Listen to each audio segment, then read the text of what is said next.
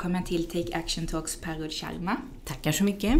Du är jurist med fokus på människorätts och antikorruptionsfrågor med fokus på företagens produktionskedjor. Stämmer. Eh, du var också under två år fram till årsskiftet nu eh, ordförande i Agenda 2030-delegationen mm. Vars uppgift i korthet är att sammanställa och föreslå en övergripande handlingsplan till regeringen om hur mm. Sverige ska nå de 17 globala målen. Ja.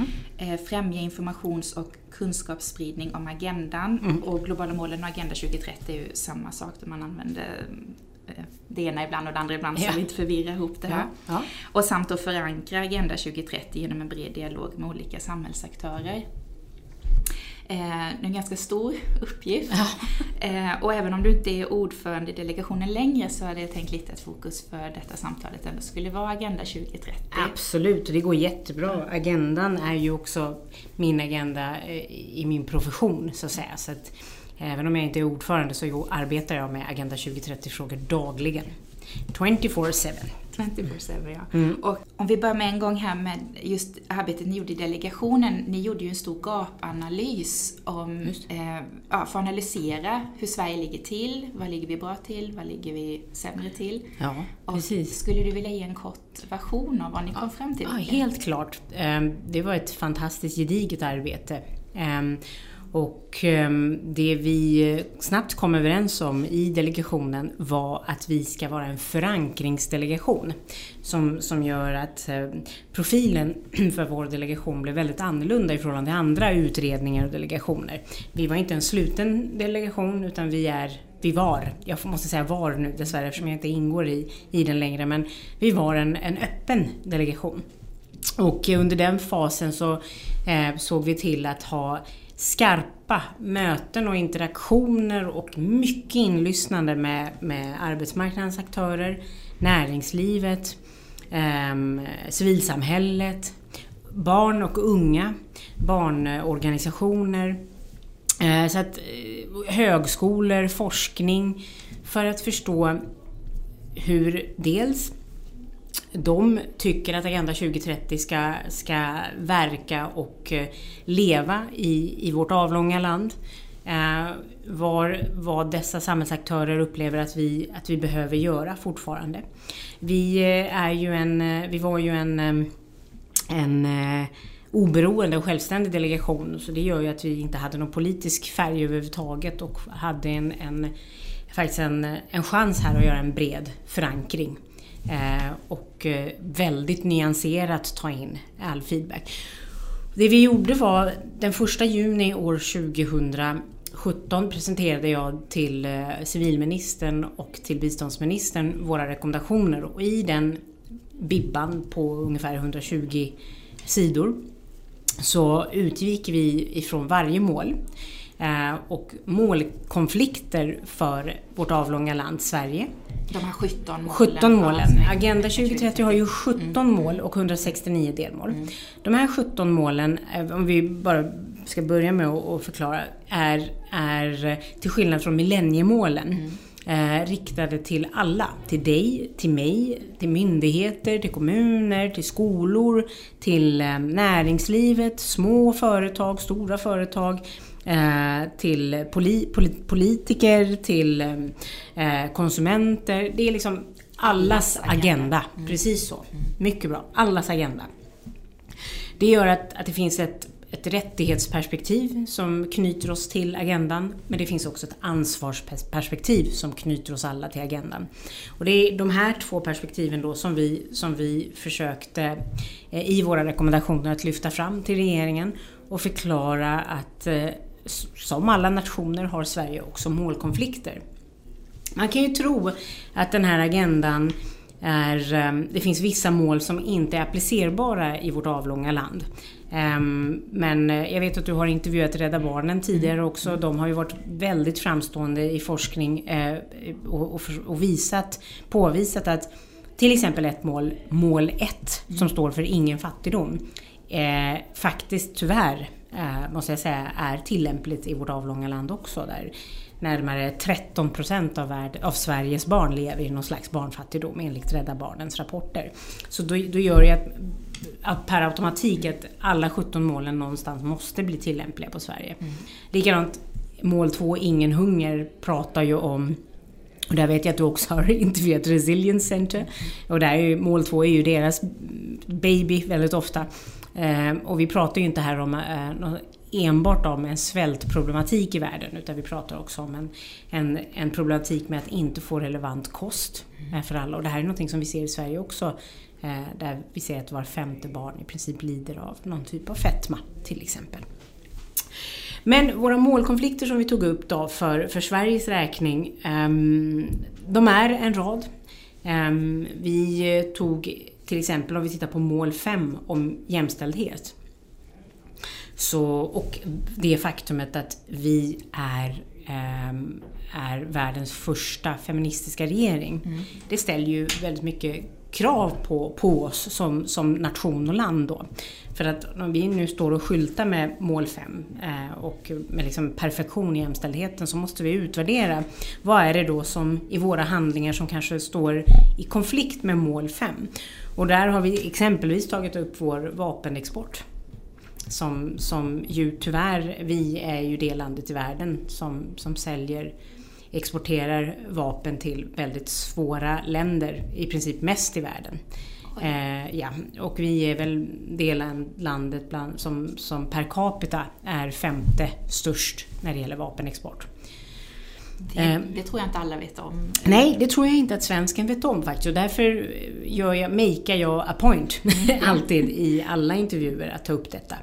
Ehm, för de senaste tre åren har exporten till landet Pakistan till exempel varit väldigt stor. 2016 exporterade vi främst till Pakistan.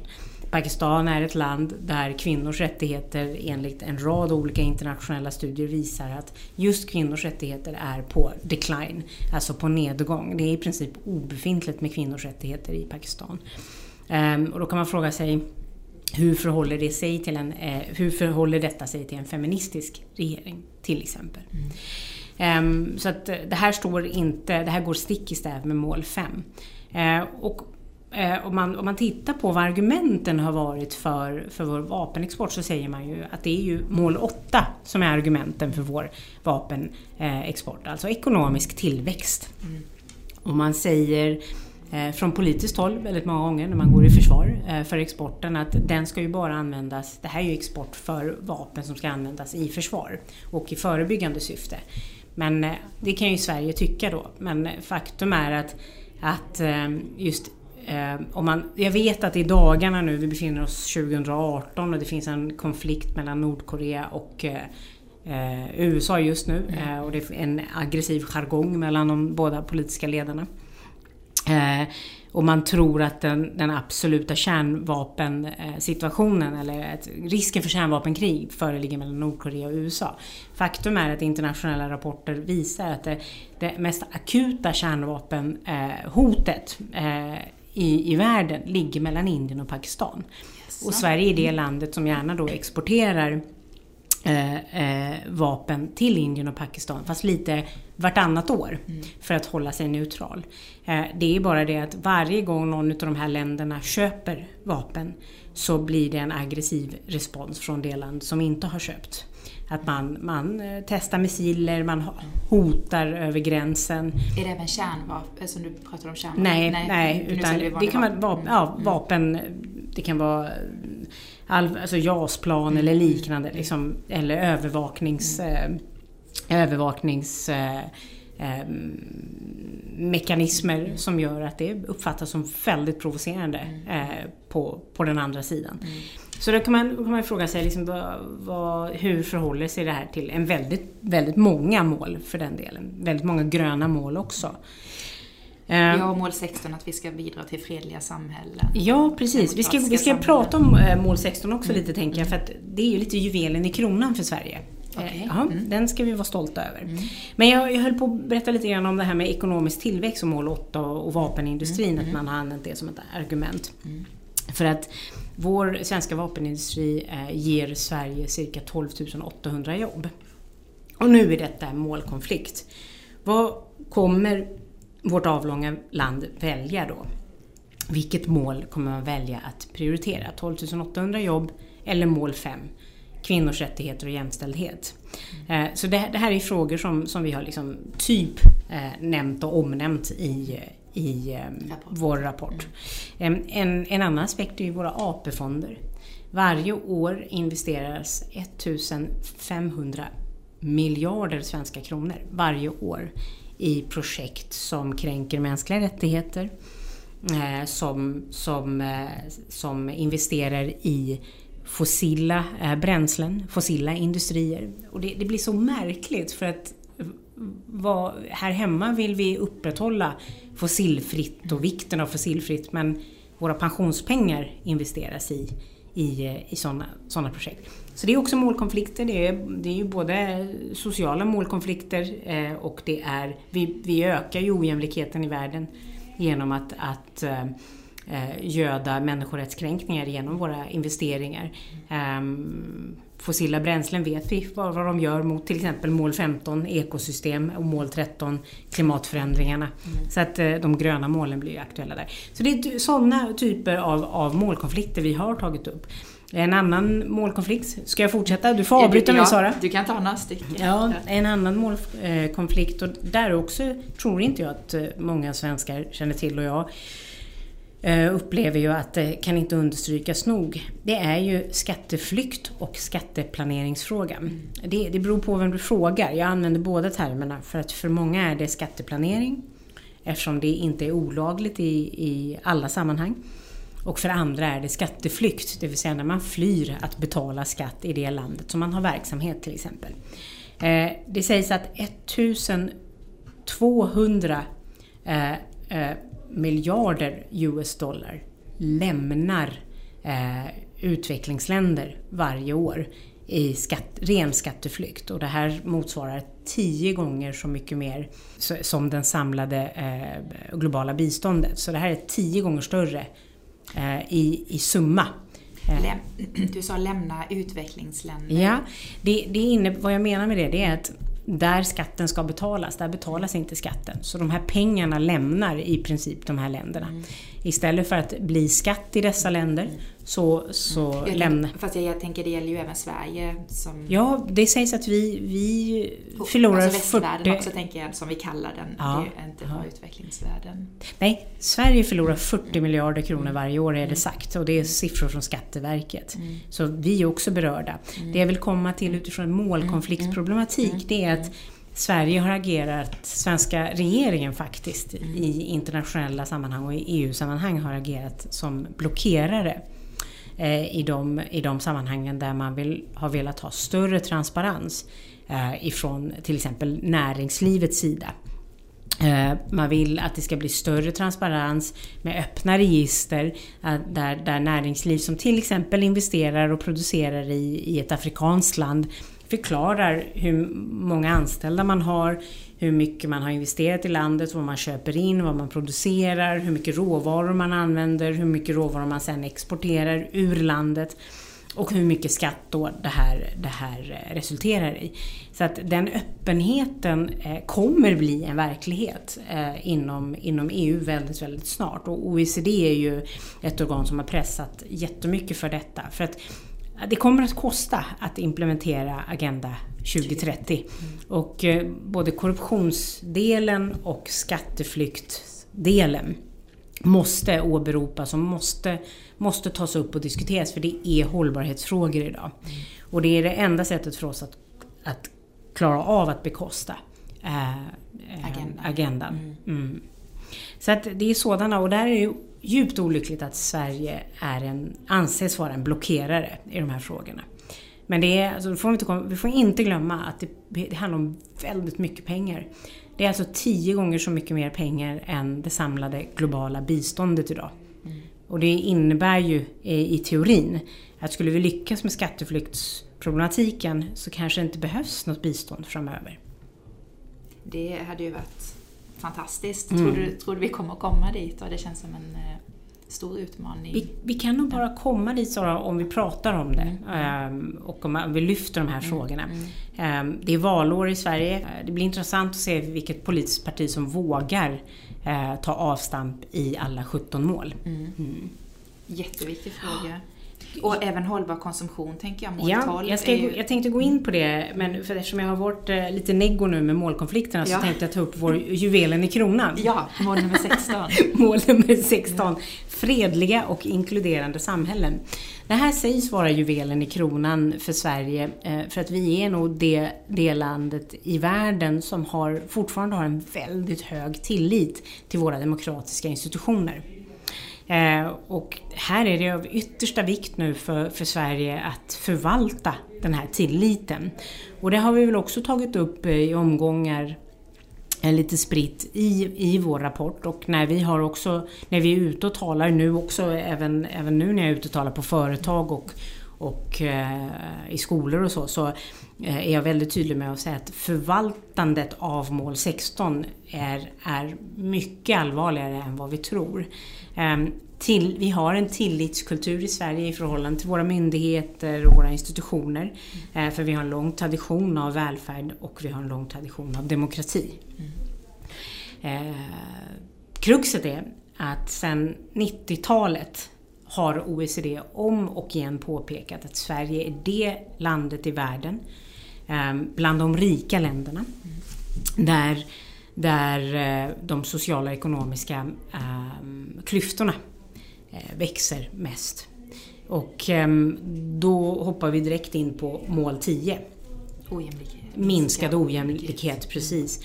Och den, det målet, det är väldigt spännande. Jag tror att mellan 2016 och 2017 ehm, så var jag ute på över 200 presentationer och hade två, över 200 presentationer. Och en klassiker är eh, när jag frågar mina åhörare vilket mål tror ni är Sveriges utmaning? Så kommer det upp det kommer upp en, en rad olika, beroende, ibland är det också beroende på vad, hur medierapporteringen har varit mm.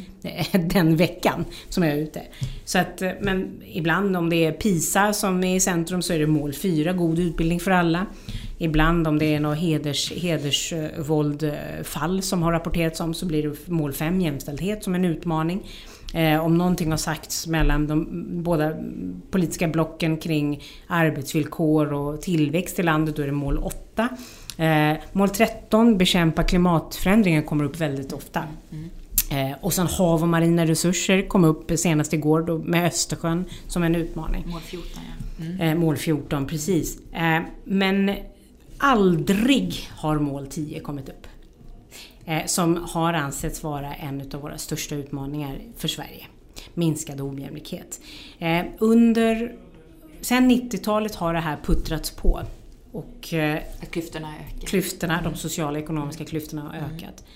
Vi, för att vara så litet land ändå som vi är, med 10 miljoner invånare. Det finns liksom städer i Asien som har 15 miljoner invånare. Eh, jag, jag har rötter i ett sånt land som har sådana städer. Um, och um, för att vara så ett litet land så har vi 180 utanförskapsområden i Sverige. 180 utanförskapsområden. Hur hände det här? Helsingborgs kommun mm. har områden där eh, den, eh, skillnaderna i den socioekonomiska kontext har, har vuxit med 150 procent. Detta har resulterat... Se, under tioårsspann mm, har man mm, sett då, mm, mm. i Helsingborg. Mm. Detta har resulterat i åldersskillnader på sju år i de här områdena som skiljer sig med 150 procent i just ekonomisk tillväxt. Sju års skillnad i, i genomsnittsåldern. I genomsnittsåldern. I Sverige. Alltså jag, jag jag kan inte förstå det. Hur, hur har vi kunnat låta det här hända? Visste vi det? Förstod vi det? Eller blundade vi? Eller känns det som att okej, okay, det, det är väl så det ska vara? Och vem är det som är utanför? Är det vi eller dem? Men idag sitter vi här och pratar om vi och dem. 180 utanförskapsområden i Sverige. Så min poäng här är Absolut. Mål 16, fredliga och inkluderande samhällen, är vår juvel i kronan. Och det är lite roligt när jag använder det begreppet eftersom jag har indiska rötter. Britterna tyckte ju att Indien var juvelen i kronan. Men eh, mål 16, fredliga och inkluderande samhällen, Sveriges, Sveriges stolthet. Men så länge klyftorna fortsätter att öka så kommer det till slut att ha sina effekter på tilliten. Mm. Och det gör då per automatik att mål 16 kanske inte längre kommer att vara vårt, eh, vår juvel. Mm. Och det känns ändå som en väldigt en grundsten att ha. En, vi måste ju bygga på demokrati och nu ja. när vi har demokratin och verkligen förvalta den för att ja. kunna Absolut. Eh, arbeta med de andra målen. Innanförskap är det fundament, den fundamentala motorn för att vi ska lyckas med Agenda 2030. Mm. För alla samhällen, mm. inte bara det svenska. Innanförskap är det som gör att vi kommer lyckas med Agenda 2030. Gemenskap och innanförskap. Absolut, inte ja, utanförskap. absolut. inte utanförskap. Um, och därför det här med sociala innovationer och hur vi skapar innanförskap, det blir jätteviktigt. Men vi är också ett land Eftersom vi är den, den eh, vad är det, sjunde största biståndsgivande nationen så har vi per vuxit capita. upp, eh, ja per capita, mm. har vi eh, vuxit upp eh, med ett biståndstänk. Mm. Så att det är vi mm. i det avlånga landet och så är det de i utvecklingsländerna som mm. behöver vårt bistånd. Mm. Vi förstår inte nu att det puttrar och det händer väldigt mycket i vårt avlånga land. Så att eh, det finns liksom så många olika dimensioner på Agenda 2030 idag eh, som vi behöver beakta. Det jag tycker är viktigt med Agenda 2030 och de här 17 mm. målen, och de presenteras ju i boxar väldigt ofta. Mm. Eh, och jag vet att eh, från svenskt håll är vi väldigt stolta över att eh, de här boxarna har eh, har utformats av en svensk. Mm. Jakob Trollberg. Ja, precis. Mm. Jag tycker inte de är bra. Nej. Nej. jag tycker att de, de ska inte presenteras i boxar. Nej. Någonsin. Ehm, de ska presenteras som ett kugghjul.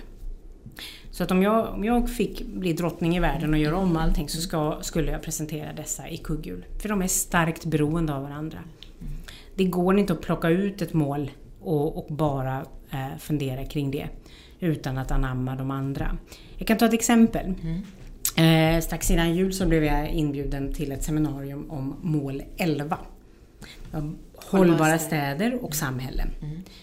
Um, och det var, det var jättekul för det började redan i dialogen med mig om jag kan komma och keynota och ha ett keynote. Och då sa jag att det var kul att ni ska prata om hållbara städer och samhällen men jag, jag pratar gärna om hållbara städer och samhällen men jag tänker inte prata så mycket om mål 11 då. Och det blev jätteförvirring i, på mejlen för vad menar du? Nej, men jag ska prata om hållbara städer, men då tänker jag prata om hållbara städer utifrån mål 5, mål 10 och mål 15. Mål 5 är jämställdhet, mål 10 är minskad ojämlikhet och mål 15 är ekosystem och biologisk mångfald. Mm. Så jag började leka lite med agendan och framförallt eh, för att försöka bevisa att det här är kugghjul. Mm. Du kan inte prata om hållbara städer och samhällen utifrån nya stadsplaneringar med gröna plättar plättar och, och, gröna områden för barn att leka i och, och lite, någon liten vattendynamik som pågår någonstans liksom mitt i den här lilla gröna staden. Eh, utan att prata om att staden måste också vara mångfaldig. Den måste ha jämlikhet och den måste ha ekosystem och biologisk mångfald i, i, i dess helhet. Mm. Eh, det jag då sa väldigt tydligt också i mitt keynote att jag fasar för att man, man pratar om mål 11 med hållbara städer och samhällen som nya väldigt segregerade områden för en ny medveten medelklass som har råd att bo i de här städerna. Nu måste vi prata om de här integrerade eh, samhällena där ekologisk mångfald och, och ekosystem är tillgängligt för alla. Intressant. Och, och de, först blev de lite oroade att nu, nu, hon verkar inte ha förstått speciellt mycket. Men sen så ringde den här eh, managern då som hade hand om konferensen och, och hon började skratta jättemycket. Och det skrämde oss lite där men nu, nu, ja men det här kommer ju bli så spännande. Det är helt rätt approach alltså, helt rätt approach. Alltså, this, is, this is the approach. Ja, jag ska precis säga, all, all, det är ju hela grejen med ja. agendan att den är integrerande. Ja, det är likadant med hav och marina resurser. Mm. Eh, Sverige har ju tagit eh, eh, med den här rådade, rådande regeringen ett starkt avstamp i att rädda världshaven. Mm. Men om man, konferens i New York. Ja, ja precis. Jag är ju inte så, jag är inte så mycket för konferenser. Nej. Jag tror Nej, att det är lite svensk... uppmärksammade på ja, globalt nivå. Ja. Mm. Min, eh, min rädsla är att vi alltid till slut uppmärksammar det i samma korridorer mm. eh, i, hos samma pålästa eh, elit. Mm. Det får och inte att, hända. Nej, men det händer. Mm. Eh, och jag tror att Agenda 2030 idag är ett fenomen som gärna diskuteras i de fina salongerna. Vi måste ut med det. Mm. Och det är därför jag uppmuntrar sådana här fantastiska podcasts som, som Take Action Talks. Eh, som där vi sitter idag. Det är otroligt viktigt. Det måste ut till alla, mm. inte bara de redan upplysta. Nej, och det, nej, nej. det, går inte bara att ha konferenser hela tiden om de här sakerna. Och varför jag säger det då lite kritiskt, det är ju lite slarvigt brukar jag säga. Om vi tänker oss eh, de som engagerar sig i, eh, rädda, i att rädda världshaven, vare sig det är politiken mm. eller, eller, eller vetenskapsmän och kvinnor. Um, så kan man väl säga att det utgör säkert tre av tio. Det är alltså tre av tio individer som, som idag försöker rädda världshaven. Sju står utanför. Varför står de utanför? Ett, det kan vara för att de inte har kunskap. Kunskapen om agendan är ju inte, är ju inte självklar. Vi förespråkade folkbildning väldigt tidigt i, eh, som delegation eh, för Sverige. Mm. Ja, bara fyra av tio säger ju, eh, de senaste mätningarna känner ju till agendan överhuvudtaget. Just, och det är, det är på tok för lite, mm, fyra av tio. Mm, och, och, lika många sätter lika med tecken mellan mm. agendan och eh, miljö. Mm. Och så där kommer det här kugghjulet måste in nu. Mm. Och det är dit jag vill gå med mål 14 nu, hav och marina resurser. Mm. Att om tre av tio försöker rädda världshaven och sju står utanför för att de inte är inkluderade, de känner sig diskriminerade, de kanske inte har information och kunskap. Um, så är det i sig inte hållbart. Och det gör att till och med mål 14, eh, som handlar om hav och marina resurser, är starkt berört av och starkt beroende av de sociala målen. Så länge en person känner sig ojämlik mm. så kommer hen inte bry sig om hållbar utveckling. Nej. Jag ska ta ett exempel, får jag göra det? Absolut. Jag, det här tycker jag, det är, det är först nu på senare år som jag har tänkt på den händelsen. Det här var bland mina första auditeringar. Jag reviderar ju produktionskedjor väldigt mycket. Eh, och då följde jag med som en assistant auditor till Bangladesh för att auditera cementindustrin som är väldigt smutsig. Vi köper väldigt mycket cement från Bangladesh också i Sverige. Eh, och ehm, och jag, jag tror att jag var, gammal var jag? Kanske var 24. Ehm, eh, och, så det var väldigt länge sedan. Eh, men men eh, när vi kom in på fabriken så direkt ser jag en, en, en stor grupp kvinnor sitta på, på marken Eh, med en, en gammeldags jättekran som är full, fullt ös med vatten som åker ner i hinkar. Fullt ös bara. Eh, och de här kvinnorna plockar stenar ur cement manuellt med händerna. Så de har mycket skärsår och grejer på händerna. Eh, men det kan vi, de, de, den situationen kan vi kanske prata om senare. Mm. Det här med anständiga arbetsvillkor. Mm, mål 8. Men, men och då är jag som, som svensk det här med say Water och Bangladesh är så här water scarce country och det är, det är svårt med vatten i Bangladesh. Och direkt går jag dit som en besserwisser och jag förstår ju att de är så här daily wagers som får, får någon liten lön i handen varje kväll om, om de är lyckligt lottade. Deras betalning gick ut på eh, vikten av stenar. Alltså det, det, antal stenar som de kunde plocka ut, det vägde de och utifrån det fick de betalningen. Det vill säga det, den skit de lyckades ta ur cementen, det vägdes och det fick de betalt för. Så det var väldigt mycket tid, vinna tid och plocka så mycket sten och smuts som möjligt ifrån cementen. Um, då går jag dit och börjar stänga av kranen. Och det är en gammeldags kran så det tog typ så här, det kändes som det tog fem år att, att få ner den där kranen och vattnet att sluta rinna. Och då säger jag så här, men ni måste ju spara vatten. Alltså Sara, jag fick världens utskällning. För att det jag inte hade förstått var att för dem var ju det där en, en non-issue. De struntar väl i om vatten sparas eller inte. För dem var det ju jätteviktigt att kunna tvätta de här stenarna snabbt som möjligt. För de där stenarna ska ju återanvändas också på annat ställe. Så snabbt som möjligt under kranen och då struntar ju de i att vattnet rann. För dem var det jätteviktigt att samla så mycket stenar som möjligt, väga det och få sin betalning och, och liksom få sitt levebröd. Och då kände jag så här, den som inte har sitt levebröd som en garanti, den kommer inte bry sig om att stänga kranen och spara vatten. Och det är det här det här kugghjulet handlar om. Att är de sociala och de miljömässiga målen måste gå ihop. Det är bara så det är. De struntar i plast i haven. Jag kommer strunta i plast i haven om inte mina sociala rättigheter och min jämlikhet är tillgodosedd. Så är det. Det är så vi människor fungerar. Så det finns liksom ett bastänk som måste finnas här och det är kugghjulet och det är därför jag inte tycker om de här boxarna. Då, I dina presentationer helt enkelt så gör du får du göra kugghjul. Men... Ja, ja visst. Du har jättemånga bilder på mig i sociala medier när jag står så här med fingrarna liksom och, och visar på ett kugghjul. Och det är, liksom, det är lite kul. Men det är kugghjulet som vi ska ha. Då är det det vi ska förmedla här, att det, globala målen är ett kugghjul. Ja.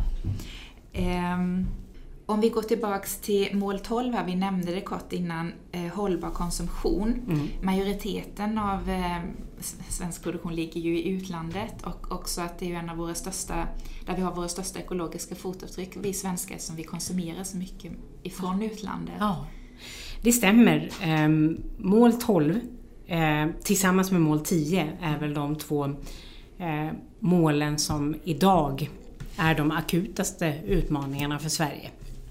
Eh, och mycket riktigt, majoriteten av vår produktion ligger utanför Sveriges gränser. Eh, men om vi går tillbaka lite. Eh, det, det är ju så att vi i vårt avlånga land på 10 miljoner medborgare har av OECD ansetts vara en av de främsta när det gäller de globala målen, implementeringen. Att vi har de, bland de bästa förutsättningarna? Ja, vi har de bästa förutsättningarna. Mm. Mm. Och det handlar återigen om det här med att förvalta nu och det skulle jag vilja understryka precis som jag nämnde för mål 16 att det är oerhört viktigt att nu att vi förvaltar den statusen.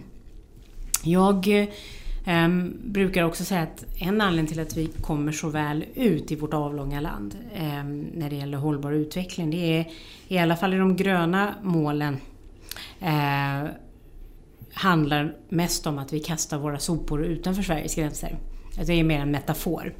Ehm, och det, är, det, handlar om att majoriteten av vår produktion, precis som du sa, ligger utanför Sveriges gränser.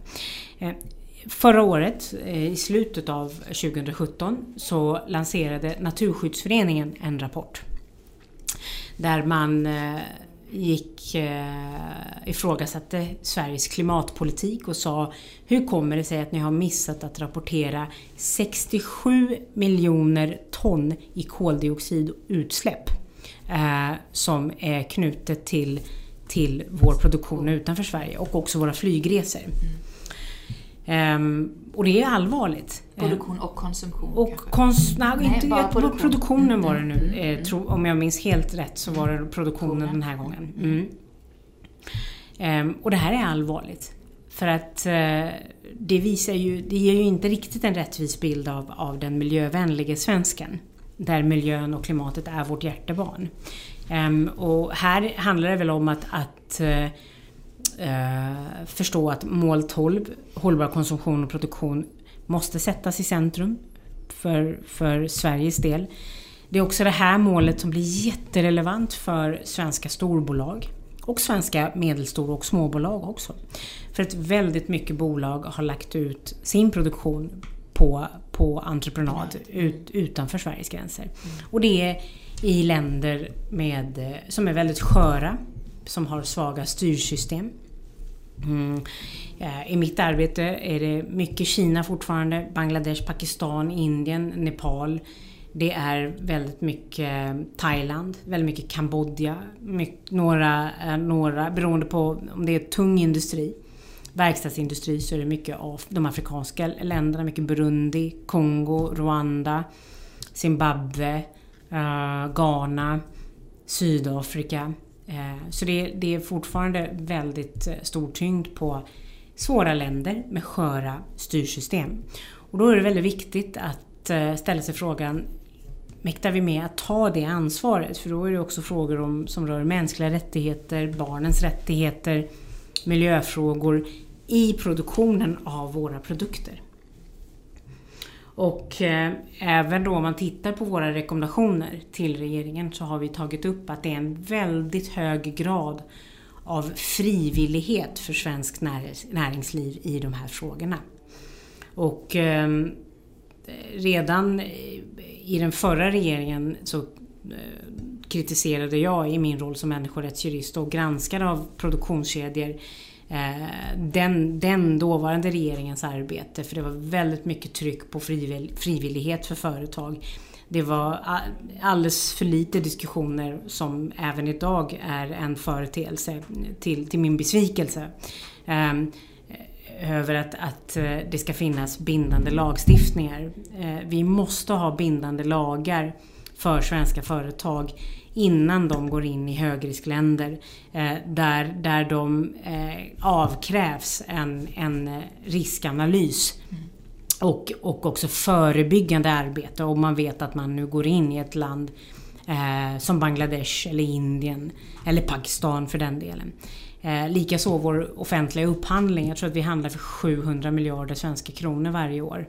Eh, ifrån högriskländer. Du vet, det är allt från kirurgiskt material, det är Malaysia, det är Pakistan, det är Thailand, det är, det är kyckling från Thailand. Det är, det är allt. Du, liksom, IT-tjänster har lagts ut eh, kors och tvärs. Och, eh, det är, det är ett resultat av globaliseringen. Men vi, har, vi är inte bra på de sociala benen skulle jag vilja säga fortfarande hittar du svenska företagare som, som faktiskt kan påstå eh, i, under paneldebatter i Almedalen att eh, ja, barnens rättigheter har hamnat lite i, i undan. Och det är i skymundan för att eh, vi har skrivit under Global Compact och där står det ju bara mänskliga rättigheter. Det står inte barnens rättigheter. Det här är det här är högt uppsatta på svenska företag som kan slänga ut sig sådana här saker fortfarande. Då har man väldigt liten insikt om att mänskliga rättigheter omfamnar barnens rättigheter givetvis. Mm. För det står ju inte kvinnors rättigheter heller då. Någonstans. Eller sexuella minoriteter eller ja, någon annan. Eh, ursprungsbefolkningar. Så att eh, ja, det finns en lång väg att gå. Likadant eh, korruptionen. Eh, när Agenda 2030 kom ut 2015 eh, och då visste inte jag att jag skulle få en så prominent roll i att vara en av de som, som så att säga, informerar och berättar om agendan i Sverige som jag gör nu och har gjort eh, de senaste två åren. När den kom ut så blev jag fly förbannad och det här berättar jag väldigt med glädje eh, om väldigt ofta. För att jag såg inte korruptions, antikorruptionsmålet. I min värld skulle antikorruption vara ett prominent, ja, ett separat mål. Mm. Och jag skrev det på LinkedIn kommer jag ihåg. Och, och det var, då var det några direkt som sa så här, men Per lugna ner dig. Det finns faktiskt med där som ett delmål i 16.5. Och då tänkte jag, ja men okej, då ska jag, nu har jag gjort bort mig eh, igen. ehm, och jag eh, satte mig ner och slog upp 16.5 och så blev jag bara argare. För det var bara en one-liner. Ehm, så lite plats har antikorruptionen fått i Agenda 2030. Och korruptionen är en fundamental barriär för all typ av hållbar utveckling. Mm. Korruptionen har varit en barriär för demokrati, mm. korruptionen är en barriär för mänskliga rättigheter. Det går inte att prata Agenda 2030 och utvecklingsmålen utan att observera att korruptionen måste få ta en central roll. Och där har vi som land väldigt mycket att lära oss. För vi har alldeles för lite förmåga skulle jag vilja säga och kunskap att, att härleda när något är en muta eller när något är en röd flagga. Eller när något är en, ett korruptionssammanhang. Vi förstår inte det. Vi är en liten nation, väldigt mycket nätverkande. Vi förblindas av varandras kontakter ibland och har svårt att förstå att oj då, det här var en, en muta. Eller det här är faktiskt en korrupt situation. Eller oj då, det här var lite mer en nepotism. Eller del delikatessjäv och allt vad det nu heter. Svågerpolitik. Svågerpolitik, precis. Kärt barn, kärt barn. Ja. Eh, men men det, där behöver vi stärka oss rejält och sen undersökningar som gör, jag vet inte, du känner till den här byggchefsbarometern. Den kommer ut då och då. Där man ställer en rad olika frågor till byggchefer. Och jag tror det var 2016 som man ställde frågan till byggchefer huruvida de, ställ, frågan ställdes huruvida de känner till eller tror sig veta om mutor som har förekommit i offentlig upphandling. 53 procent svarade ja på den. 53 procent. Det är jäkligt mycket på ren stockholmska. Mm. mm. Ja, och det har kommit upp fall, eh, ja, ja. Större, större fall ja. i media bara de senaste veckorna. Och där, där kan vi inte bara ha en me, eh, liksom media som gräver utan vi, vi svenskar behöver anamma ett tredje öga i de här frågorna också. Mm. Um, skatteflykten, 40 miljarder bara för Sverige mm. kan göra väldigt mycket för vårt land. Uh, nu, nu I dagarna är det ju, igen, jag vet Karolinska, vad är det, 57 miljoner i fakturor som inte har ett korrekt underlag. Uh, 57 miljoner kronor. Så det, det, vi har en problematik. Jag säger inte att den är... Folk, säger så här, folk kan bli lite provocerade ibland av, av mig för de säger så här, ja men vi är ju ändå bättre. Säkert, men vi är ju sämre i förhållande till oss själva nu. Mm. Det, det, där, det handlar om att förvalta. Mm. Mål 16, fredliga och inkluderande samhällen, det handlar om att förvalta. Mm. Vi får inte ta vår demokrati för givet. Vi får inte ta vår välfärd för givet. Allt kommer inte bara fungera utan till.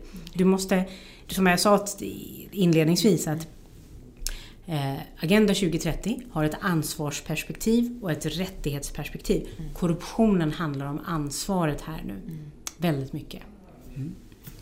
Jag tänker gott, eh, bara när du pratade innan om att vi har en stor produktion utomlands och att det behövs egentligen mer riskanalys innan vi går in i, eller företag går in i ett, eh, eller i ett riskland med mycket riskkapital. Mm. Ehm, men jag tänker också att det är positivt att kunna alltså om man gör det på rätt sätt så kan ju också en eh, etablering av ett företag utomlands hjälpa den eh, delen ja, där man... Det är, ju, det är ju den positiva sidan av globaliseringen. Mm. Men det förutsätter ju att det görs på rätt sätt. Jag skulle precis säga ja. att det är ju positivt mm. om det görs på rätt mm. sätt. Om du eh, tittar på Kina. Mm. Mm. Bara så vi får båda perspektiven tänker jag. Nej, nej, det är jätteviktigt. Det är positivt ja. om man gör Men det, det var ju därför vi inledde. Hela globaliseringen inledde ju med för att man hade en trickle down teori mm. om att Eh, ju mer investeringar som sker i dessa länder desto mer kommer liksom, mm. eh, människor utvecklas och så. Saken är det att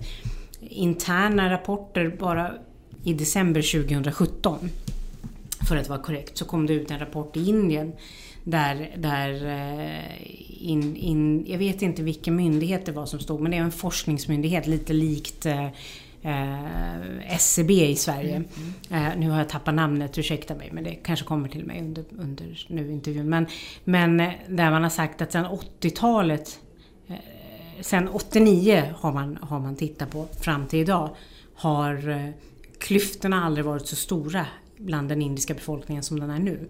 Visst, man har utrotat polio, eh, viss del av tuberkulos och så vidare. Och så vidare. Pestsjukdomarna är borta den typen av fattigdom som, som Hans Rosling pratade om, den är i stort sett utrotad. Mm. Men det här med sociala och ekonomiska klyftor och de psykologiska effekterna det har på individer, den, det utanförskapet det skapar, där tror jag inte att globaliseringen har gjort sitt, tyvärr. Ehm, men det är, viktigt, det är viktigt med öppna, att man, att man har öppen handel. Men sen finns det ju andra perspektiv. Småbrukare till exempel. Ehm, jag satt i en jättespännande, på en jättespännande middag eh, för, för några månader sedan eh, med eh, ehm, några indier och pakistanier som ehm, är verksamma i, har varit verksamma i Indien och, och vi pratade om, om, Walmarts inträde i Indien nu. Och det har ju också varit ganska dramatiskt för att eh, väldigt länge fick inte Walmart eh, investera i Indien. Och det här är vänner som, till mig som är uppvuxna i, i ett lokalt kontext eh, i Indien där man har eh, varje vecka, varje måndag har man haft en sån småbrukarmarknad där småbrukare, eh, jordbrukare, kommer med, med grönsaker och där, där man har då handlat grönsaker för hela veckan. Och det är grönsaker som är ekologiska, närproducerade och rena och fina. Eh, men, men fula morötter och konstiga bönor och så vidare. Men de är ekologiska och rena. Eh, de här småbrukarna har ju slagits ut helt eh, i, i många länder. Vi ser fenomenet i Latinamerika, vi ser fenomenet i Kina och i, i Indien väldigt mycket nu med de här stora kedjornas inträde. Och vi pratade inte om småbrukarna, utan vi pratade om Walmart och då säger en vän till mig säger Ja, jag ser fram emot eh, Walmart ska introducera nästa månad ekolog, en ekologisk avdelning. Och då, då klarade inte jag av att hålla mig längre. Och då sa jag så här, vad tror du de där småbrukarna var? Som vi handlade från, för jag har ju också vuxit upp i, i omgångar i Indien också. Varje måndag när vi gick till den där marknaden, vad tror du det där var för någonting? Det var ekologiskt och det kostade tio gånger mindre än vad du kommer betala för din eh, gurka på Walmart. Så att, det finns ju också de här delarna. Och jag, ibland, jag vet att man eh, protektionism skräm, man blir skrämd av det. Men det finns många, många av de här nationerna är jordbrukarnationer. Hur ska det gå för småbrukarna? Det är också en viktig fråga. Så det finns, det, det finns inte bara två sidor av globaliseringsmyntet. Det finns väldigt, väldigt, väldigt många sidor. Ja. Och för olika länder så ser de sidorna väldigt olika ut. Um, som sagt. Men, jag, jag ville bara ta upp mm. perspektivet att, att, eh, för man kan ju verkligen förstöra och att vi lägger ut, som du säger, våra sopor eller att någon annan ska göra, eh, som vi kallar ja. skitjobbet, ja. eller på någon annan. Och det är ju jättehemskt att göra det så, ja. men gör man det till något positivt, att man erbjuder arbetsmöjligheter äh, mm. och, och, bra inkomst, och, men följer Helt de rättigheterna så är Helt det något rätt. positivt. Helt rätt. Men för mm. att det ska bli positivt mm. så krävs det ett kunskapslyft mm. utan like nu. Mm. Kunskap inom mänskliga rättigheter, mm. kunskap inom antikorruption, mm. kunskap inom arbetstagarnas äh, rättigheter mm. och kunskap inom miljö och klimatfrågor. Mm. Eh, det, det, är en sån tyngd inom hållbar utveckling och det är så kul och spännande. Men vi behöver ett kunskapslyft nu i de här frågorna. För det är, det är, jag vet att jag under flera, flera år har, och jag citeras ju gärna väldigt ofta när jag säger att det är så fluffigt och flummigt. Det är ju bara för att det har varit mycket goody-good, feel-good diskussioner. Att det här sitter i ryggmär, ryggraden hos oss, det här sitter i våra väggar, det är vårt DNA. Ja, men jag bryr mig faktiskt inte. Jag behöver bara få det bekräftat och verifierat att ni har kunsk en kunskapsnivå mm. som räcker för att förstå vad krävs att göra affärer i stanländerna. Mm. Inte som, som eh, en situation där, där man från politiskt håll säger att nej men vi, klart vi åker med svenska företag till stanländerna nu för att svenska företag ska lära dem om hur viktigt det är med antikorruption. Det blir så här, kan svenska företag eh, lära om antikorruption? Jag tror inte det. Eller jag vet att de inte kan det. För generellt är kunskapen väldigt låg i just den frågan. Är det något eh, som du kan se som något eh, vallöfte här nu att strömma åt regler för? Alltså korruptionsfrågan har ju aldrig varit intressant för regeringen. Eh, jag har aldrig hört något politiskt parti som har gjort det till en någon slags eh, eh, fråga i någon valrörelse. Men jag vet att i, i våra rekommendationer mm. eh, till Sveriges handlingsplan mm. från delegationens sida så nämnde vi eh, väldigt tydligt behovet av en nationell antikorruptionsstrategi. Mm. Men det har vi inte fått något svar på. Mm. Men bindande lagar för företag, det är ja, det, ett måste nu alltså. Ja, det var så jag ja, menade. Ja. Just det här att laget eh, ja. kanske inte blir en valfråga men att det verkligen Nej. uppmärksammas. Nej, det kommer aldrig bli en Nej, valfråga och nu kommer jag säga någonting riktigt sådär eh, som kan uppfattas som, som eh, konspira konspiratoriskt kanske men Eh, så länge inte vi har öppna register och transparens kring var, vad våra politiska partier får sina donationer ifrån så är det många frågor som inte kommer bli valfrågor. Och eh, bindande lagar för företag kanske är en sån fråga upplever jag. Så att eh, jag tror öppna bidragssystem för vad är det, vem är det som donerar till de politiska partierna under valåren och så vidare. Det är ju en jättefråga och där vet jag att Transparency International Sverige har haft det som en fråga de hade en kampanj 2014 i det här men vi måste ha öppna kort. Sverige är i princip det enda EU-landet som inte har lag på, på att politiska partier ska visa vem de har fått sponsring och donationer ifrån. Mm. de övriga Europa, EU-länderna har öppna register där man visar att man har fått så och så många miljoner från det företaget, så och så många miljoner från den föreningen och så vidare. Mycket intressant. Det är mm. verkligen något att mm. uppmärksamma och trycka på. Det är jätteviktigt. Mm. För att det här, det, här, det, här, det är ju här skon klämmer lite. Varför blir inte vissa frågor valfrågor? Mm. Ja, det, har, det har ju väldigt mycket...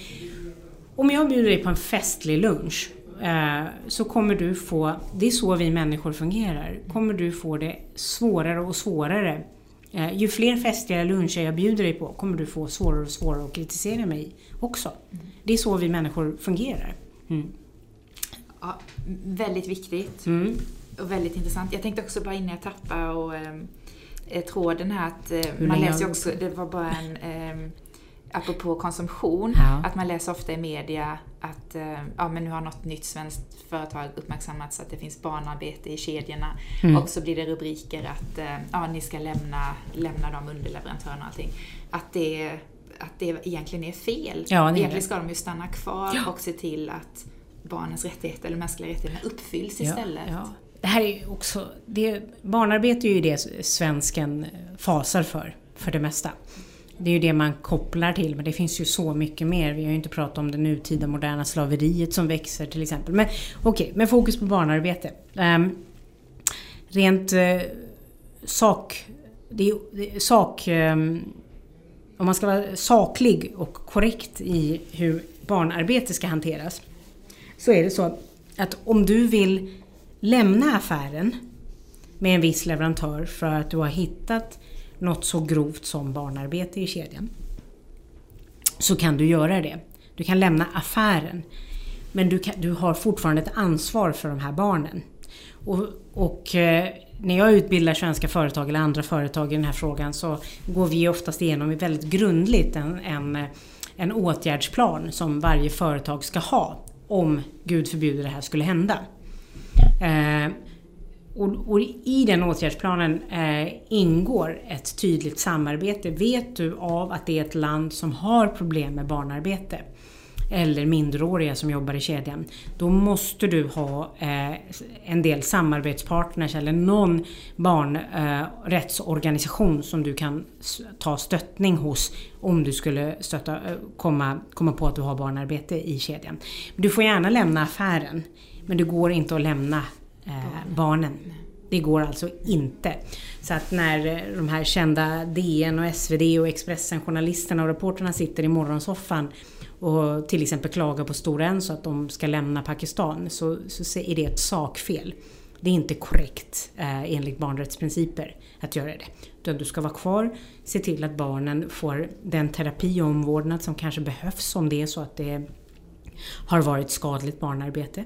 Allt barnarbete är skadligt men det kan också variera. Det kan vara så att det är en fysisk skada som behöver eh, åtgärdas eh, och, eh, och en emotionell mental skada som behöver åtgärdas. Och sen se vad det finns för alternativa skolor för de här barnen. Väldigt ofta Eh, och sällan finns det skolor som är, är redo att ta in eh, före detta barnarbetare eh, i, i klassen.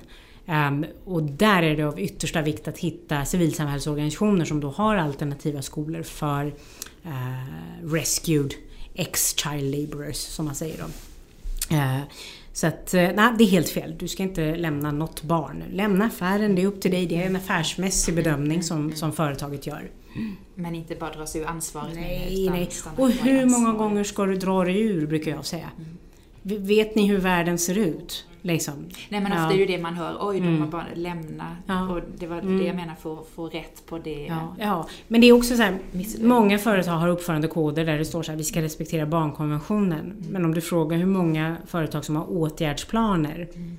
för om de skulle hitta barnarbete, mm. har de då en åtgärdsplan mm. eh, så vet vi inte de vad du pratar om behövs bättring och kanske konsumtionstryck också, att om man, det ja, uppmärksammas. Att eh, absolut. Lämna inte, utan vad gör ni nu för de här barnen? Ja, att man absolut. har den kunskapen och ställer det trycket istället. Ja. Ja. Eh, som med så mycket annat också att det behövs eh, förebyggande istället för brandsläckning. Ja. Att man har åtgärdsplanen. Eh, och även nu med miljö och klimat som är ett stort fokus att det behövs ju verkligen mycket mer förebyggande för det är mycket brandsläckning som pågår nu. Ja. Och brandsläckningen kommer ju oftast till när media har uppmärksammat Ja. någonting. Mm. Och det är den här strukturen vi måste komma ehm, ifrån. Mm. Eh, företagets goda arbete byggs på bra operativa interna system. Mm. Som är permanenta och inte tillfälliga. Som bara kom, vi sätter till en mångfaldsexpert när, när vi har gjort bort oss eh, genom media. Så funkar det inte utan du måste grundligt och operativt förstå varför du behöver mångfaldsexpertis i hela din affär. Så det, det, liksom, det går inte. Och det Mm. gäller inte bara företag tänker jag, utan hela samhället nu. Hela det krävs ju samhället. förebyggande åtgärder Mm. istället för Mm. Men det här, med, det här man säger, den här klyschan om att kunskap är makt. Mm. Det har aldrig varit sannare än, än nu. Ehm, kunskap är makt. Ehm, all kunskap som går att förmedla eh, om hållbar utveckling är, är viktig och det är därför en, en podcast som den här är, är väldigt, väldigt den är livsviktig. För att ju mer kunskap vi har om de globala målen eh, desto, desto snabbare kommer implementeringen av dem gå. Och kugghjulet är jätteviktigt i det här. Mm. Kan inte understrykas nog.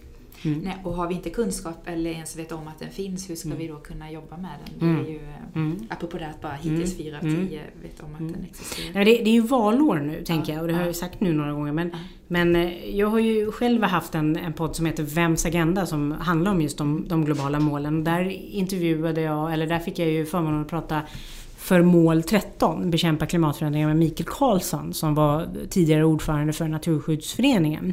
Eh, en jättefantastiskt bra miljökämpe och eh, en kunskapskälla inom klimatfrågor. Men han sa så här, men det skulle vara spännande att se eh, hur, hur de olika politiska partiernas profilmaterial, hur pass Agenda 2030-säkrad all profilmaterial är. Koppar, muggar, eh, pappersprodukter, t-shirts som man, som man använder sig av i, i, i valkampanjen. Så det, det, är någonting som jag tog fasta på också och tycker att det ska vi ställa frågan. Hur ser det ut för Centerpartiet, eh, Liberalerna, sossarna, Moderaterna? Eh, Sverigedemokraterna räknar jag inte med att de riktigt bryr sig om de här frågorna men, men eh, hur ser det ut för liksom, våra sju av åtta partier? När de beställer in, är det fair trade? Är det klimatanpassat? Är det liksom, hur ser det ut? Mycket intressant kanske Ja. att vi kan eh, tipsa någon och gå vidare på. Det tycker jag. undersöka. Det tycker jag. Det, absolut. Och eh, apropå valår, du ska få komma med lite eh, förhoppningar om vallöften här, men jag tänkte Mm. jämt sammanfatta först vad vi har sagt lite. Mm. Eh, vilka Sveriges, eh, ja vi har ju sagt mål 16 är juvelen i kronan här. Eh, att vi men att vi måste förvalta. Det handlar om att förvalta den här tilltron vi har till våra myndigheter och demokratin, i- förvalta demokratin.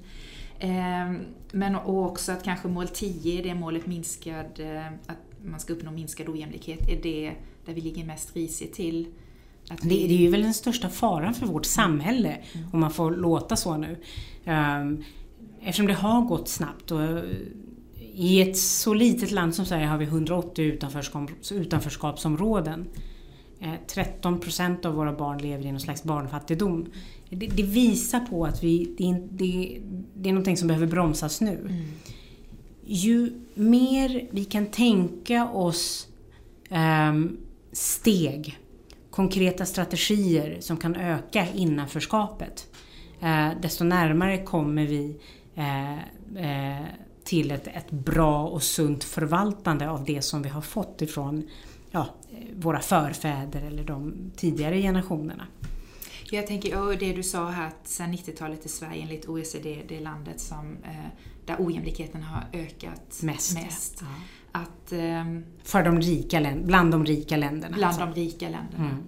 Ehm, det, det borde egentligen vara en av de största valfrågorna. Eller liksom, hur kunde Absolut. det ha Hur kunde det hända? Hur kunde det hända? Varje regering har ju påstått att Ja. Nu, nu minskar vi klyftorna, Ja. och, men ändå Ja. ökar de. Och att det bidrar ju till så mycket att de andra målen blir sämre, både Mm. fattigdom och hälsa och utbildning och jämställdhet. Och, och klimatet också. Att det är ju verkligen det här How do we come together? How do we come together? Uh. Och det, och för, för våra ledare idag handlar det om att, att, för mig nu är det också viktigt att, att ifrågasätta ledarskapet mm. lite. Och inte ledar, det rådande ledarskapet utan fenomenet ledarskap. Mm. Producerar vi de ledarna som verkligen behövs för att vi ska mäkta med Agenda 2030 och håll, hållbar utveckling? Eh, jag är inte säker på att vi lyckas göra det, tyvärr. Eh, och det, och det är därför som ledarskapsfrågan blir väldigt fundamental. Den ledaren som kan ta upp målkonflikter utan att känna att nu tar jag upp en fråga. Jag menar, ta AP-fondernas investeringar till exempel. Mm. Eh, den, den politiska ledaren som vågar säga att nej men nu ska inte investeringar gå dit utan hållbarhet ska sättas före tillväxt. Eh, och då pratar vi både social hållbarhet och ekologisk Ja, ja, allt. Nu pratar jag Agenda 2030. Mm. Ja, och den, om vi inte nämnde det Agenda 2030 består ju av ekologisk hållbarhet, social hållbarhet och ekonomisk hållbarhet. Ja, absolut. Mm. Precis så. Mm. Men att vi har prioriterat ekonomisk hållbarhet mm. i pensionsfonderna. Mm. Eh, och det står ju också... Eller ekonomisk tillväxt skulle jag säga, ja, säga mer än ekonomisk hållbarhet. Eh, ja, ja tillväxt, så mm. sant. Det är inte men hållbarhet på en individuell nivå. Jag menar, ja. Det man kanske får sen i brevlådan mm. eh, visar ju på någon slags... Mm. Eh, men absolut, det är ju, det, är ju mm. eh, det som har prioritet. Det är benet i så fall som har prioriterats. Mm. Eh, och frågan är vilken ledare vågar säga att nej men nu, nu måste miljö och ekologi och social hållbarhet få, få ta företräde. Mm. Eh, det är ju modigt. Eh, vilken ledare skulle våga säga att men, de här 12 800 jobben um, Inom vapenindustrin? Ja, inom vapenindustrin. Mm. Eh, kan vi ersätta kan, dem med, med något annat? Ja, ja. Vem vågar säga det? Mm. Nej, vi ska inte exportera alls till länder som, som riskerar att gå in i något slags kärnvapenkrig till och med. Um, nej, vi ska inte exportera till, till, eh, till uh, Saudiarabien. Uh, nej, vi ska vara jätteförsiktiga med att prata om att vi ska ta någon sån här lärarsits uh, i korruptionsfrågan. Och den, den, den, kommentaren tycker jag var helt... Den var horribel när jag, när jag läste att det var det som, som vår handelsministers stab, den linjen eh, de körde på när hon skulle åka med sin eh, handelsdelegation till, till stanländerna här för, förra året. Um, det, det liksom känns otroligt falskt i Agenda 2030 eh, hänseende, tyvärr. Um, så att nej, vi, frågan är nu, har vi det ledarskapet som krävs? Och jag har ställt den frågan om och om igen och kommer göra det fram till 2030. Sen får jag se hur, hur vi utvärderar det. Um, producerar vi det ledarskapet som krävs för en hållbar utveckling? Det är också en viktig fråga. Jag ser ändå väldigt mycket hopp när jag är ute och pratar med de unga. Mm.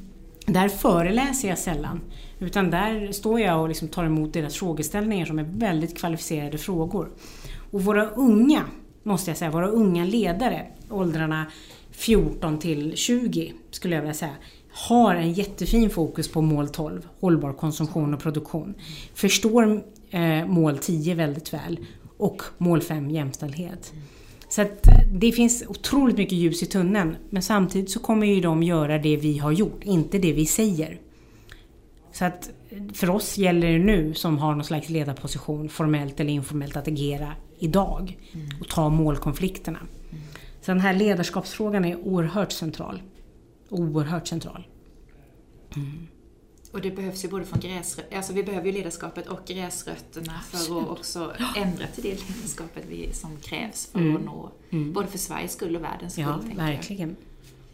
Eh, om vi ser lite ur ett, nu pratar vi väldigt mycket Sverige, men bara nyfiket, om du ser ur ett eh, globalt perspektiv, det, det, är det, vilka är de största utmaningarna? Eller? Konsumtionen. Det är konsumtionen? Ja, absolut. Um, mål 12 är det målet som, som våra tillväxtmarknader eh, behöver fokusera på nu. De går in i en, en konsumtionskultur um, um, som, som de upplever är den kulturen vi kommer ifrån, ifrån mm. västvärlden. Um, de vill nå dit vi de, är. De, precis så. Uh, så det är, det är hållbar konsumtion mm. som är det viktigaste. Utan tvekan. kan, vad kan vi, alltså de, de frågorna vi måste ställa nu eh, som individer, politiker eller vilken samhällssektor, mm. företag, mm. det spelar ingen roll. Vem du än representerar. Vad kan jag reducera, minska? Vad kan jag återvinna? Vad kan jag ifrågasätta? Då kanske det är ledarskapet. Vad kan jag kontrollera? Då kanske det är produktionskedjan. Vad kan jag verifiera? Då kanske det kan vara någonting som något företag säger, att den här är producerad på det här sättet. Ja, men är den det? Vad betyder ekologiskt? Bara för att något är ekologiskt producerat betyder det att, att det är schyssta arbetsvillkor. Mm. Um, hur mycket har, har investerats i Agenda 2030 kunskap? Hur mycket har informerats om? Mm. Vad har man liksom gjort för att, att uh, uh, kunskapshöja inom olika samhällssektorer? Jag tror ibland i svenska sammanhang att vi tar hållbar utveckling för givet. Som, det, som jag sa, det sitter i vår ryggrad eller det sitter i vår DNA, det sitter i väggarna. Nej, det, det, det kanske gör det, jag vet, men jag tror inte det och det är alldeles för komplicerade discipliner för att det ska sitta någonstans. Utan vi behöver ha ökad kunskap i detta. Och det här behöver vår regering också förstå. Vi behöver en folkbildningskampanj för Agenda 2030. Mm och, och, verkligen ta till oss dem ja. och leva efter ja, dem. Absolut. Inte bara prata om dem. Nej. Utan, eh, Nej. Så för avsluta, jag avslutar ju alltid varje podd med att jag vill ha lite konkreta tips. Mm. Vad kan vi eh, då i vår vardag göra för att nå agendan, för att nå ett hållbart samhälle? Mm. Eh, några konkreta tips till mm. privatpersoner och även mm. eh, vad vill, skulle du vilja ha för vallöften? Om vi börjar med, med politiken mm. så Eh, det som Mikael Karlsson tog upp i, i min podd tycker jag var mm. jätteviktigt. Mm. Om ni menar allvar, hur ser det då ut med ert egna profilmaterial? Och liksom, hur Agenda 2030-anpassade är ni? Mm. Eh, både utifrån sociala och, och miljömässiga hänsyn. Eh, det, andra, det andra är hur många av dem, alltså, kan de här sju av åtta politiska partierna tänka sig att utgå ifrån Agenda 2030. Mm. Ta avstamp ifrån Agenda 2030. Jag tycker inte det märks. Lite ett tag kändes det som att mål 13, mm. klimatförändringarna, mm. var det centrala som många av de här eh, eh, partiledarna och språkrören eh, debatterade om. Mm. Men nu på senare så kan vi ju både flyga mer och äta mer kött tydligen enligt vissa politiska partier. Så, så att eh, vilket politiskt parti kommer ta avstamp ifrån all dessa 17 härligheter och bygga sitt partiprogram på det. Mm. Eh, det återstår att se. Och mm. våga ta målkonflikterna. Det är ju ledarskapet ja, ja. och idag finns det ingen, ingen sån ledare. Jag vet att under min ordföranderoll, jag tror det är första gången jag säger det offentligt så här, så vet jag att jag irriterade regeringskansliet med att jag tog upp målkonflikterna om och om igen. Så pass att jag till och med i mail fick en kommentar om att jag har kritiserat regeringen. Så att det, här är, det här är viktigt alltså. Målkonflikter, det går inte att liksom prata om moral och etik utan att man rensar och städar hemma först. Eh, och det är lätt att och, och flagga med att vi är den första feministiska regeringen. Men really, är vi det på riktigt? Eh, och jag ingår i det här. Det är inte så att jag står utanför och pekar med hela fingret. Jag ingår i allt det här också. Så att eh, absolut, det är bara frågor, frågor, frågor till politiken. Mm. Till medborgare skulle jag vilja säga, det är ett valår. Eh, läs på om de 17 målen. Utgå ifrån de 17 målen i era frågeställningar och er kritik i förhållande till de, de politiska partierna. Fråga dem. Lär och läs på mer om korruption och mutor. Förstå fenomenet. Det är mycket djupare än att bara ge och ta och utbyta tjänster. Eh, eh, utan det, det, är så mycket mer komplicerat och det finns i, i vårt samhälle också. Um, hur, hur mycket kan du inkludera som individ? Jag har precis sagt att mål 10 är, eller vi är överens om att mål 10 är en utmaning för Sverige. Hur mycket kan jag vara med och inkludera? Mm. Uh, de de här som jag nämnde, den här konferensen om hållbara städer och samhällen, mål 11. De hade inte ens tänkt kring mål 10. Men ett hållbart samhälle handlar ju om ett inkluderande samhälle som sätter mål 10 i centrum. Hur mycket sådana eh, koncept har du i din vardag som individ? Minska plasten, bli vegetarian, res mindre. Det här är så här klassiska exempel men det är så viktigt. Ta och åk mer tåg. Kräv att våra tågförbindelser ska bli bättre under valåret nu. Ehm, det, ska, det, är inte rimligt att jag ska sitta i liksom tio timmars försening för att komma hem från Malmö för att jag har valt att inte flyga utan åka tåg. Och det här har varit min vardag väldigt mycket de senaste två åren. mycket tågförseningar, mycket sittande och sådär.